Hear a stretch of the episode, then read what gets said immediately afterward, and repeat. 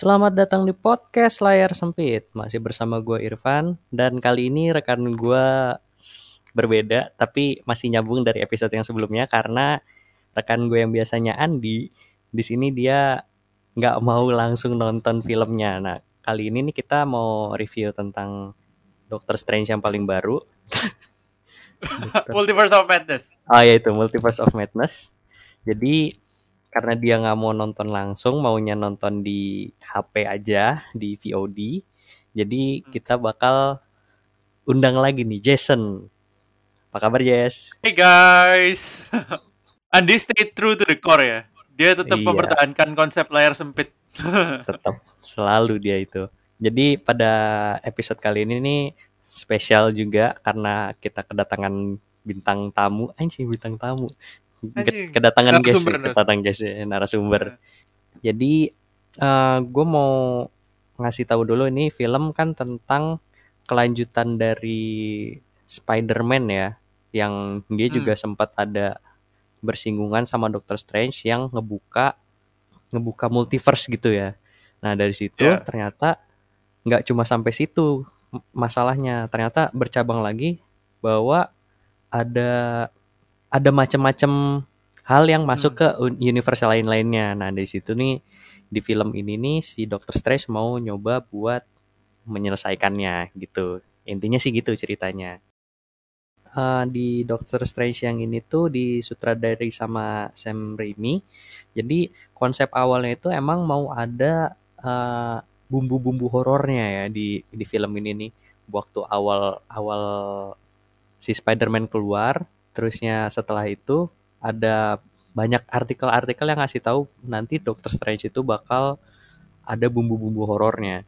Ya kayak gitu. Iya, Mm-mm, kan. ekspektasi gue juga terbentuk gara-gara Sam Raimi. Terus ada beberapa artikel-artikel yang keluar gitu. Ya setuju gue. Jadi gue tuh nge eh, ngebayanginnya tuh film horor horor kayak Conjuring gitu. Jadi yang bener-bener pure horor. Kalau ekspektasi lu nih Jas tentang film ini sebelum lu nonton nih ya, kayak gimana? Bakalan Ya. kayak gimana? Jujur gue superhero banget kan. Jadi Mm-mm. selama sebelum multiverse gue dari research banyak banget. Gue udah lihat semua fan theory, udah dengerin semua podcast. Udah pokoknya ekspektasi gue terbangun tinggi lah. Multiverse of Madness ini.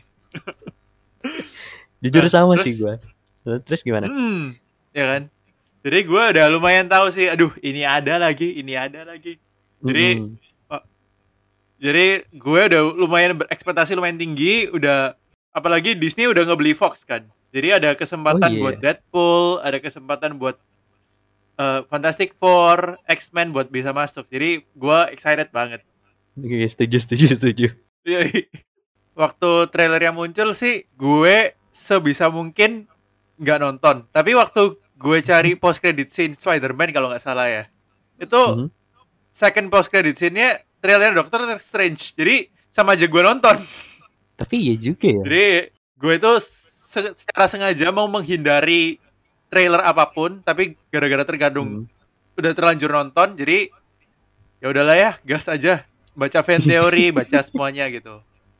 Dan waktu Jadi- Doctor Strange pertama kali dijual tiketnya, gue langsung Iya. Chat semua teman gue yang berpotensial nonton, langsung ngajak Lu semua, gue paksa-paksain, ya, gue paksa-paksain dia itu langsung nonton. Gokil. Gua gua nonton pas di hari ketiga sih gua nontonnya tuh. Oh iya, lu ngechat gue kan? lumayan lama ah, yang itu waktu gua chat ke lu tuh gue pengen nonton. Kalau ekspektasi Iya. gue sih ini Hmm. ini film bakal bener-bener kacau banget gitu di multiverse-nya. Jadi si Doctor Strange nih bersusah payah buat nyatuin si universe-nya yang original itu lagi buat biar nggak pecah lagi gitu. Hmm. Buat kita ngebahas tentang lebih dalamnya nih setelah kita nonton filmnya, mending kita pasang dulu trailernya nih. Jadi buat yang belum nonton harusnya mau udah ya kalau misalkan berapa udah seminggu lebih nih ya kayaknya udah seminggu lebih lah Iya. harusnya udah pada nonton lah Lebih lah, ini ya. dua minggu kali. Mm-mm.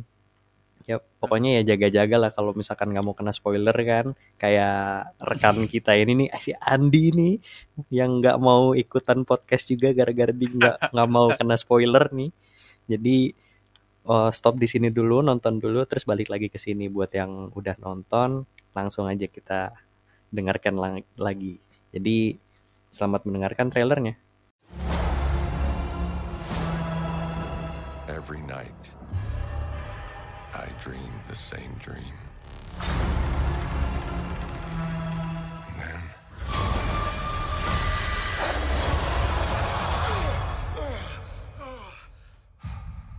The nightmare begins.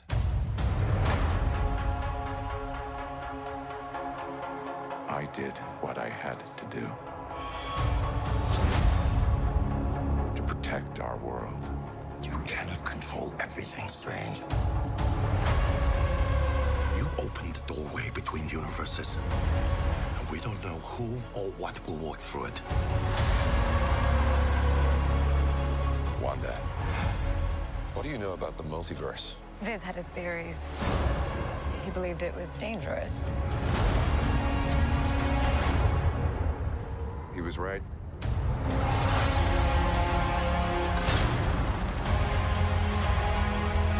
I'm sorry, Stephen. Your desecration of reality will not go unpunished.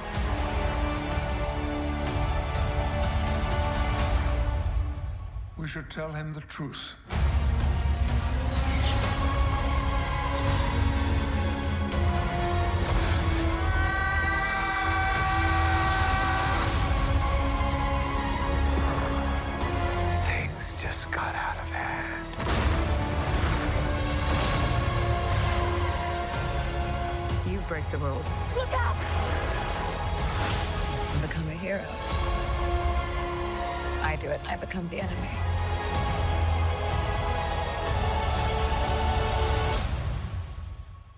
Doesn't seem fair.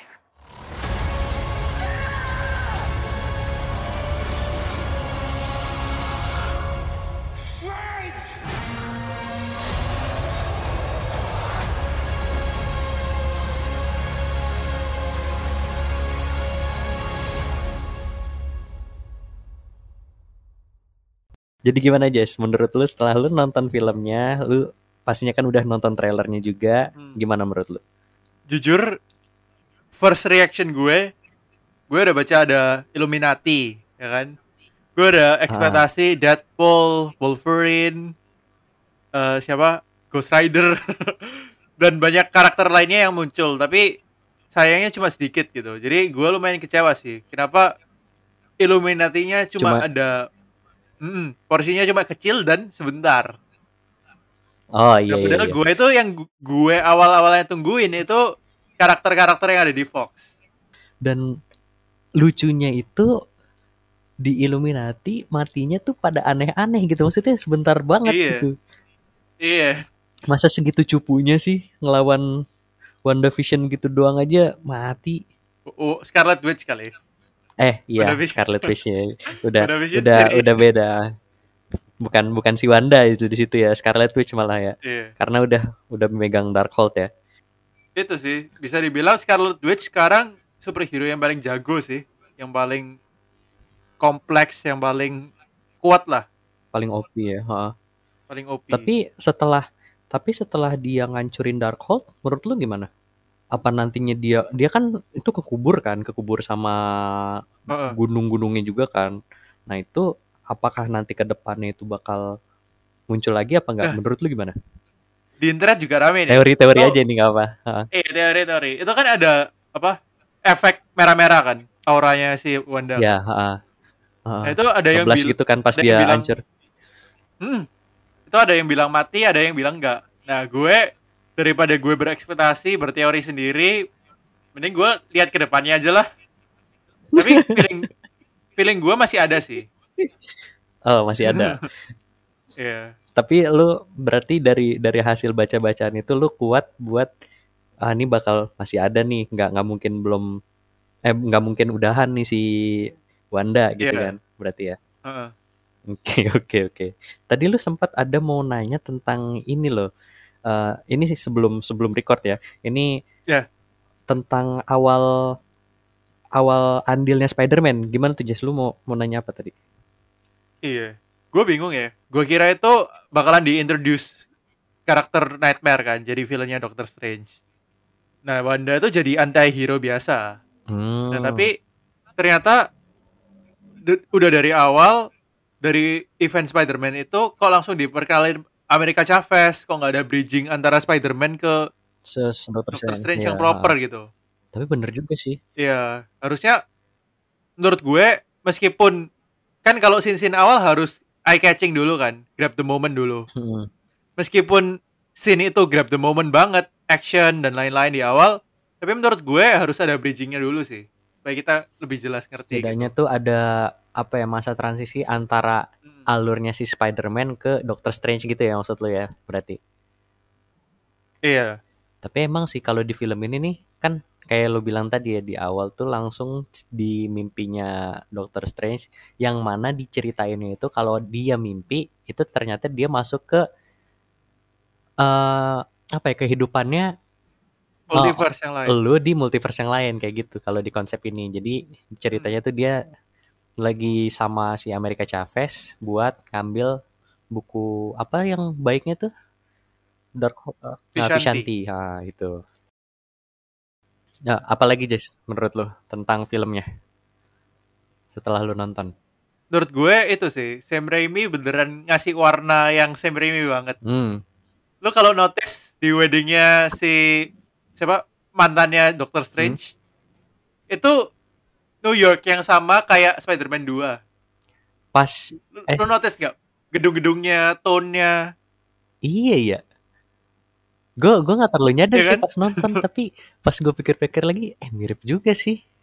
Iya, weh, Nah. kayak tone-nya itu warm gimana gitu. Iya. uh, uh. Cuma kalau dari sisi horornya menurut lu gimana Jess? Jujur, gue nggak seberapa merasakan horor kesan horornya. Tapi waktu di tunnel itu gue takut jump scare sih. Gue udah mulai tutup telinga. Itu cuma satu scene doang yang gue berasa kayak horor. Yang waktu di tunnel itu. Oh iya iya iya iya. Tapi emang apa ya kalau di film ini nih karena kita udah tahu siapa yang jadi villain dan lain-lainnya dan wujudnya kayak gimana jadi kita nggak terlalu takut gitu. Kalau gue sih, kalau gue sih kayak gitu. Iya.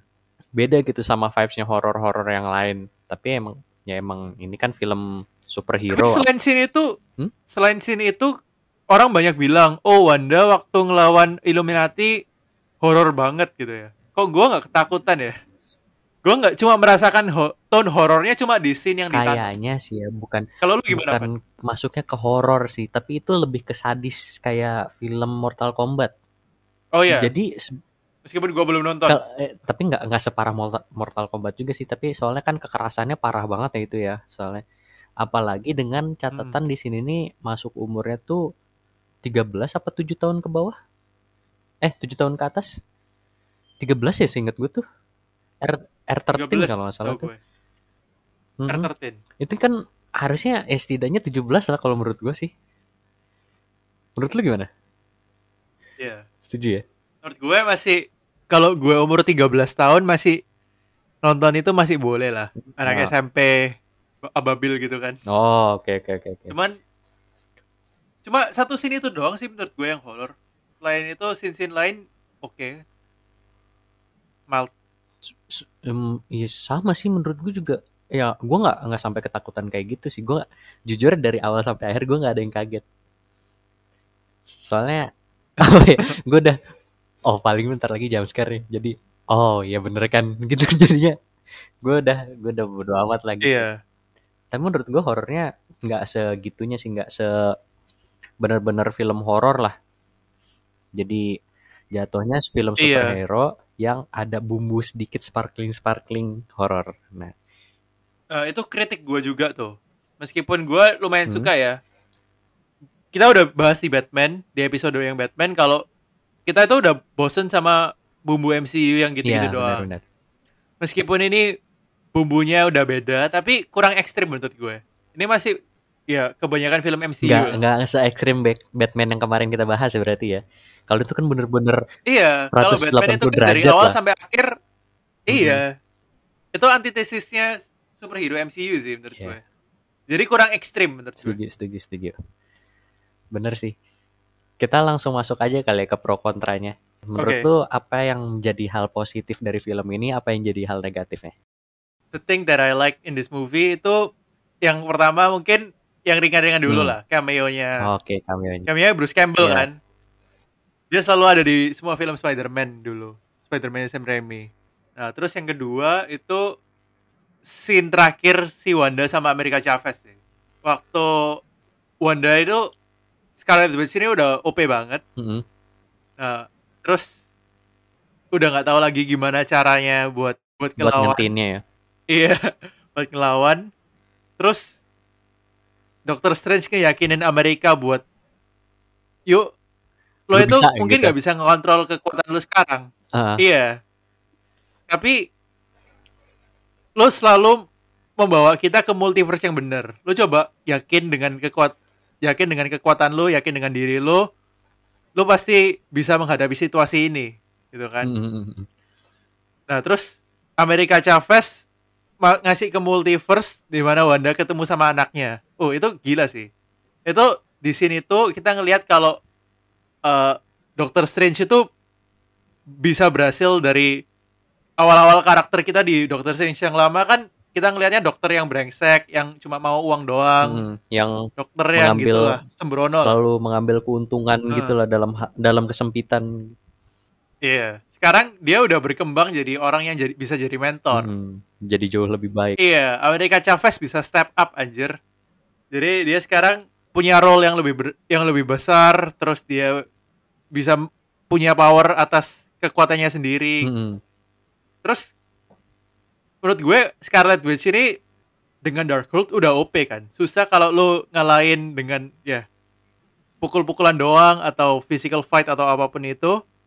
Nah, tapi ini lu ngalahin Scarlet Witch to the core-nya anjir. Jadi Iya. lu nunjukin what she really is ke anak-anaknya terus ya itu bener-bener runtuh dari dalam sih. Hmm. Jadi eh, si Amerika Chavez ini pinter gitu karena emang dia kekuatan yang ngebuka portal multiverse. Jadi dia ngebuka portal s- yang mana dia tuh bisa ngelihat eh si Wandanya bisa ngeliat anaknya buat ngejatuhin mental dia gitu. Wah itu ngeri sih. Iya. Favorite scene lu apa, Van? Favorite scene Menurut gua gue itu favorite scene gue sih. jujur sama sih. Jadi oh tapi gua Iya kan? gue ngutipnya tuh bukan pas yang di situnya tapi gue ngenanya tuh pas si Wanda yang di universe lain itu ngasih tahu kalau eh, anak-anak aman sama aku gitu ceritanya gitu kan wah itu Iya. ngena banget sih jadi si Wandanya Wanda yang benerannya Wanda yang Scarlet Witch-nya jadi Hmm. wah anjir gitu kan. Ternyata dia bukan anak-anak gua gitu ceritanya gitu kan. Wah kacau di situ sih gua ngenanya di situ. Sama ini pas pas bagian eh, zombie zombie ini sih zombie strange. Itu lucu sih nggak tahu kenapa gua lucu aja itu jadi jalannya tuh kayak bener-bener Iya, iya. aneh gitu lah tapi lucu Tapi trailernya tuh beneran berhasil ngebohongin kita ya. Mm-mm. Kita pasti mikir zombie strange itu strange yang jahat dan lain-lain. Iya, keli- Tapi ended up zombie strange ternyata kita suka justru gitu. malah yang baiknya ternyata yang jahatnya kan si sinisternya kan Iya. itu tadi kan lu tentang pro-nya berarti aja ya Hmm. Kalau eh, kontranya gimana Kontranya gue multiverse-nya yang dieksplor sedikit sih. Hmm. lu Ya, kalau kita Aha. hitung ya. Itu eh 616 kan, yang 616. Terus eh apa? Multiverse yang ada Illuminati-nya sama multiverse yang udah collapse. Yang udah hancur oh kan. yang punyanya yang sinister ada ya Sinister ha. Strange-nya. Heeh.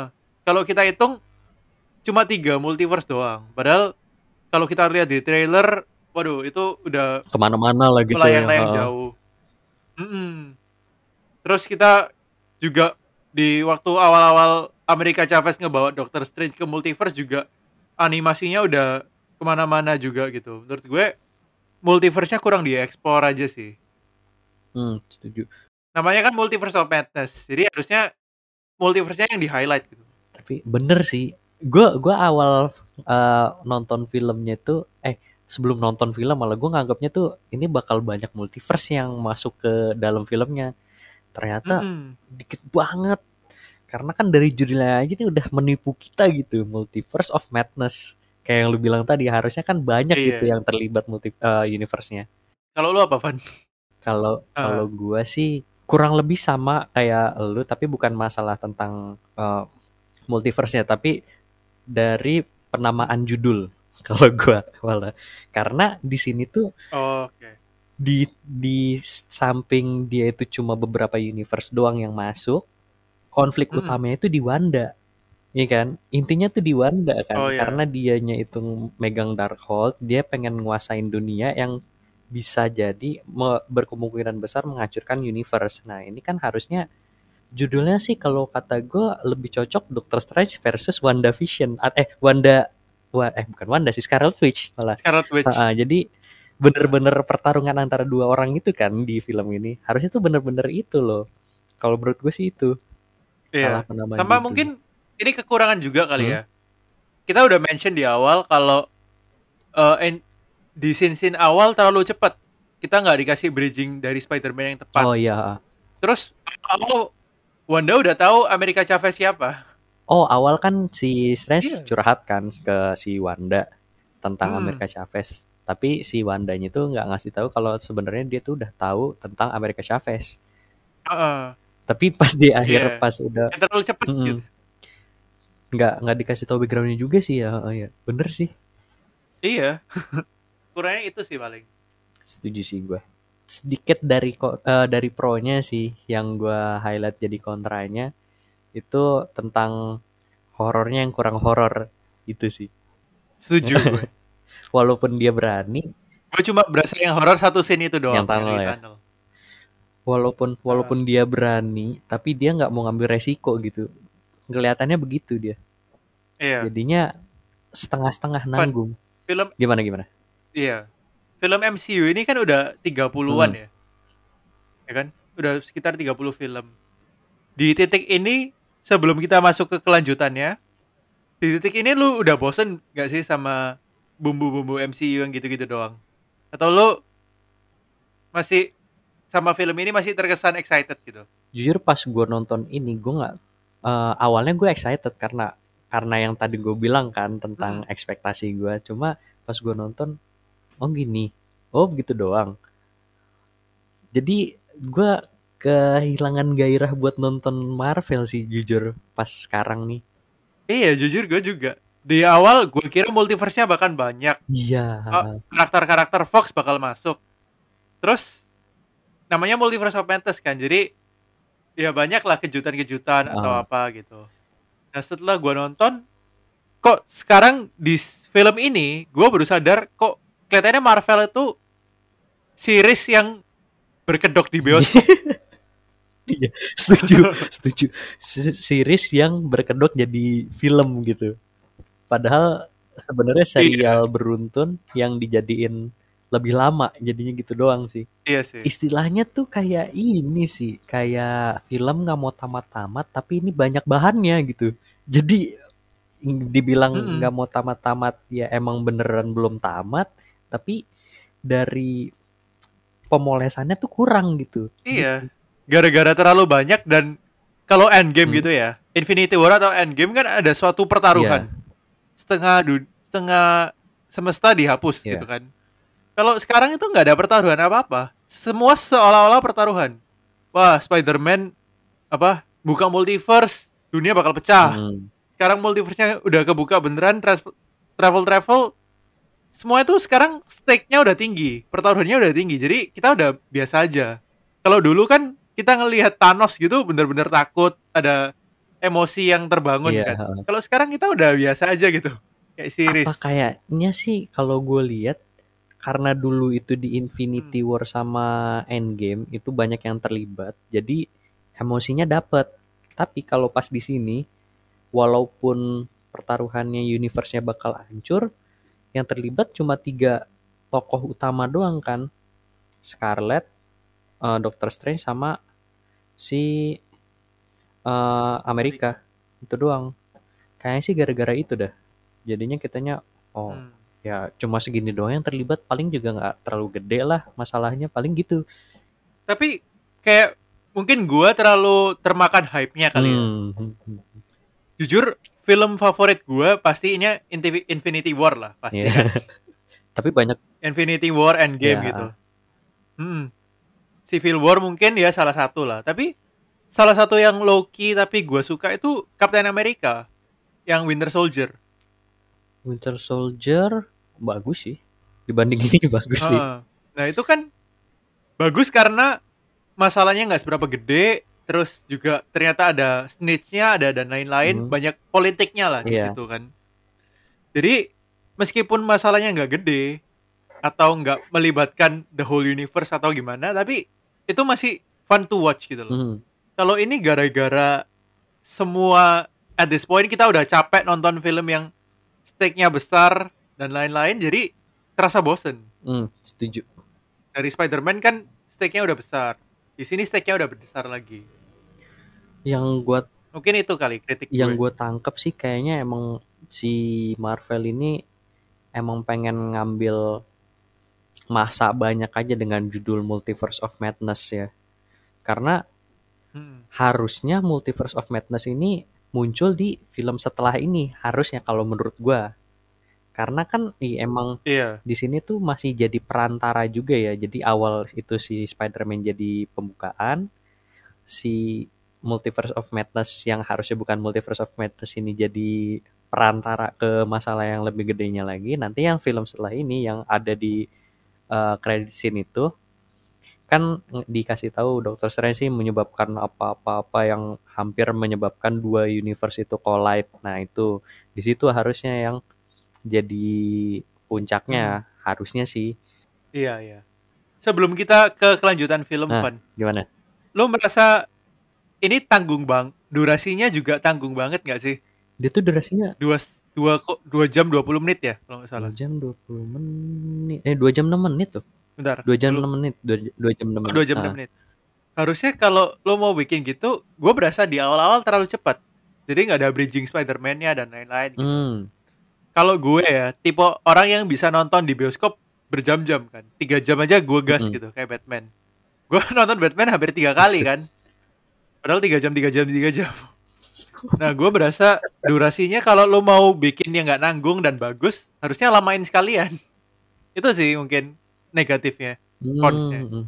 Kalau kita lihat di scoringnya IMDb sebenarnya masih bagus sih 7,4 ya. Kok bisa ya? Iya. Tapi you cannot top the Batman with it.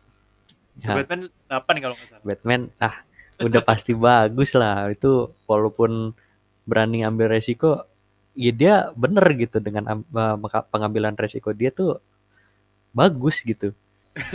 Iya.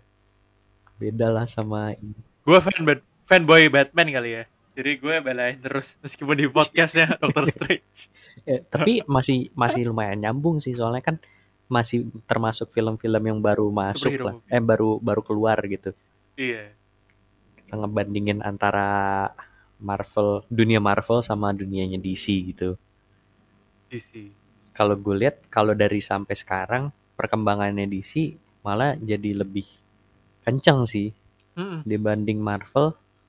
sekarang ganti manajemen Hmm. kan Discovery dibeli Warner Bros apa sebaliknya gitu jadi manajemennya udah kenceng banget Hmm, gini nih, kalau kalau kita kalau gue bisa ngasih masukan ke Marvel, eh, mereka nih harus ngebuat suat, sesuatu yang ngebuat orang tuh penasaran lagi gitu kayak pas kemarin di Endgame. Endgame itu kan bener-bener hype banget gitu orang-orang pada nonton yang bahkan Hmm. nggak ngikutin pun banyak yang nonton itu. Itu iya Dewannya rame Mm-mm. banget kan jadi Marvel tuh harus cari sesuatu yang bisa ngemunculin hype kayak gitu lagi gitu. Jadi orang bisa penasaran dengan hal itu sih. Tapi gue nggak setuju juga sih, Fat. Hah? Soalnya kalau gue tuh kalau hype yang terlalu besar kayak Multiverse of Madness gitu Iya. ya. Gue punya ekspektasi yang tinggi, ternyata gue kecewa. Kalau Captain America Winter Soldier itu kan salah satu favor- film favorit gue kan. Ah, Itu gara-gara gue gak ada ekspektasi, ternyata ekspektasinya melebihi apa yang gue inginkan gitu. hmm, Filmnya melebihi apa yang gue inginkan. tapi bener juga sih.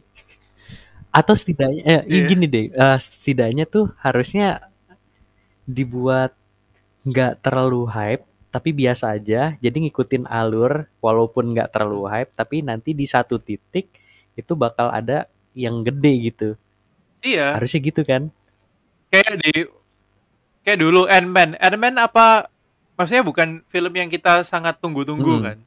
Nah, kayak Ant waktu 2014-15 itu kan kayak Winter Soldier, Ant-Man dan lain-lain itu kan ya udah nggak ada pertaruhan apa pun. Perkenal cuma perkenalan karakter, pendalaman karakter doang. Iya benar Nah, kalau ini Spider-Man, wah, multiverse pecah. ini multiverse of madness gimana gitu. Jadi setiap film-film yang baru-baru ini selalu ada pertaruhan yang tinggi gitu loh. Iya. Nanti ini Thor kan dibuat Thor kan. Ah, Waktu Juli Thor juga ini hype-nya dibangun juga gitu loh. Thor gabung sama Guardian of the Galaxy kayak ngapa-ngapain Hmm. kan pasti ke mana-mana ekspektasinya juga. Jadi sekarang setiap film Marvel itu apa ya harus ada pertaruhan yang tinggi. Itu kritik gue sih. Jadi kalau lo ketemu musuh yang kayak Thanos di versi yang lama itu nanti kita udah bosen. iya Orang kita setiap nonton berat gitu kan. Mm-mm. Padahal kalau kalau bisa kita bilang sih di film Multiverse of Madness ini buat perkenalan si America Chavez doang. Iya gak sih? Iya sih. Kalau kalau benerannya gitu. Sama sama perubahan karakternya Wanda. kan. Iya, ah, itu. Karakter Wanda sama eh Heeh. iya sih, ha. Itu. Karena kan yang di terakhir itu di seriesnya si Wanda masih kacau banget kan. Masih gila banget sama eh belum dikasih tahu ya pas di di series tuh nggak dikasih tahu kalau dia udah megang Darkhold apa belum sih? Ada ada Agatha-nya kan. Hmm. Udah. Tapi ya? waktu itu Wanda masih yang baik gitu loh. oh. Belum dipotret Wanda yang kayak di film ini. Oh iya, Van. Kalau lo dari ini nggak nggak tergantung kan Marvel ada phase 1, phase 2, phase 3, phase 4 kan. Mm-mm. Kalau kita bahas phase gitu terlalu ribet kali ya. Tapi kalau kalau istilahnya secara gambaran besarnya kan fase 1 hero-hero awalnya kan kayak Iron Man, Ya. Captain America, Hulk, Hulk, ya. ya kan? Itu hero-hero yang ada di bumi dulu lah, Mm.